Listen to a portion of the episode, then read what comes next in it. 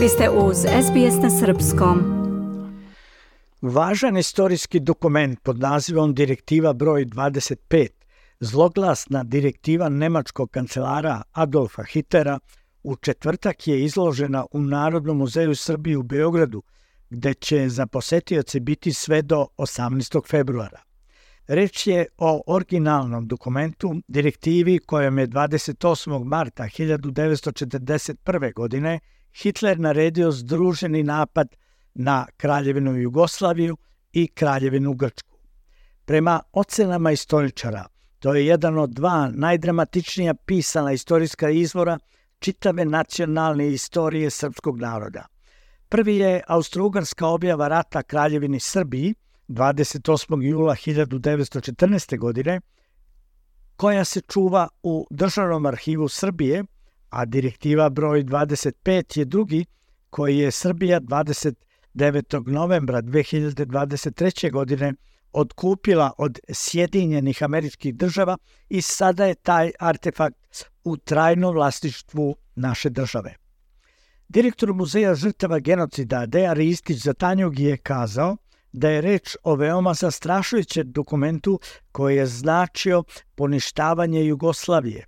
Zatim je kazao. Dakle, kada se nađete ispred njega, mi sada konačno možemo da ga imamo u rukama i da, da, da svako od naših građana ga pogleda i uh, pročita.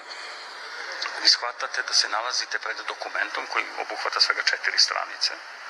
Dakle, originalu direktive 25 potpisano od strane Adolfa Hitlera, kojom se e, e, naređuje poništavanje naše tadašnje države, poništavanje srpskog naroda, nalazite se pred dokumentom koji je proizveo, neposredno proizveo, nezavisnu državu Hrvatsku, okupaciju države, rasparčavanje države, genocid nad Srbima na teritoriji nezavisne države Hrvatske, brojne zločine i zločine protiv čovečnosti nad pripadnicima našeg naroda. Ali sa druge strane dokument koji je proizveo ili isprovocirao bezmerno junaštvo pripadnika našeg naroda i konačno oslobodilačku borbu i oslobođenje naše države 15. maja 1945. godine. E, direktiva 25 je strašna.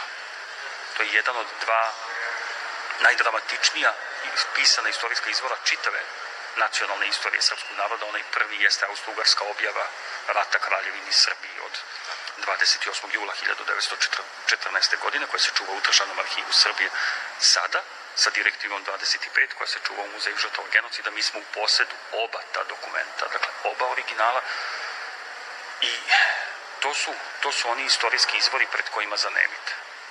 Zanemite od bola, zanemite od zapitanosti kako je jedno ljudsko biće, u ovom slučaju Adolf Hitler, mogao da naredi bestijalan, brutalan napad na jednu nezavisnu, demokratsku, neutralnu državu tada, da naredi sve ono što direktiva sadrži i da faktički proizvedete strašne, dramatične i tragične posledice po naš narod i našu državu u periodu drugog svetskog rata. Zato iz tih dokumenta treba učiti, makoliko oni bili teški po svom sadržaju, treba učiti kako bismo shvatili da se istorija ponavlja onim pojedincima, zajednicama, narodima i državama koji je nedovoljno dobro poznaju. Osim direktora muzeja žrtava genocida gospodina Ristića, javnosti se obratila i direktorka Narodnog muzeja Srbije Bojana Borić-Brešković.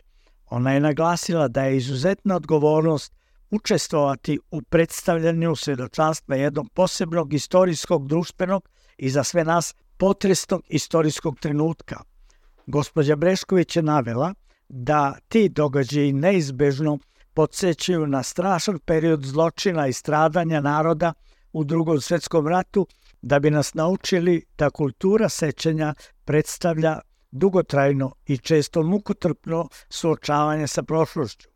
Narodni muzej Srbije kao najstarija i centralna muzejska institucija ima odgovornost da preispituje, utvrđuje, kritički promatra i odgovorno stoji u momentima u kojima prošlost oživljava sa ciljem da iz nje i od nje učimo negujući tokove kolektivnog pamćenja, zaključila je Bojana Borić-Bresković.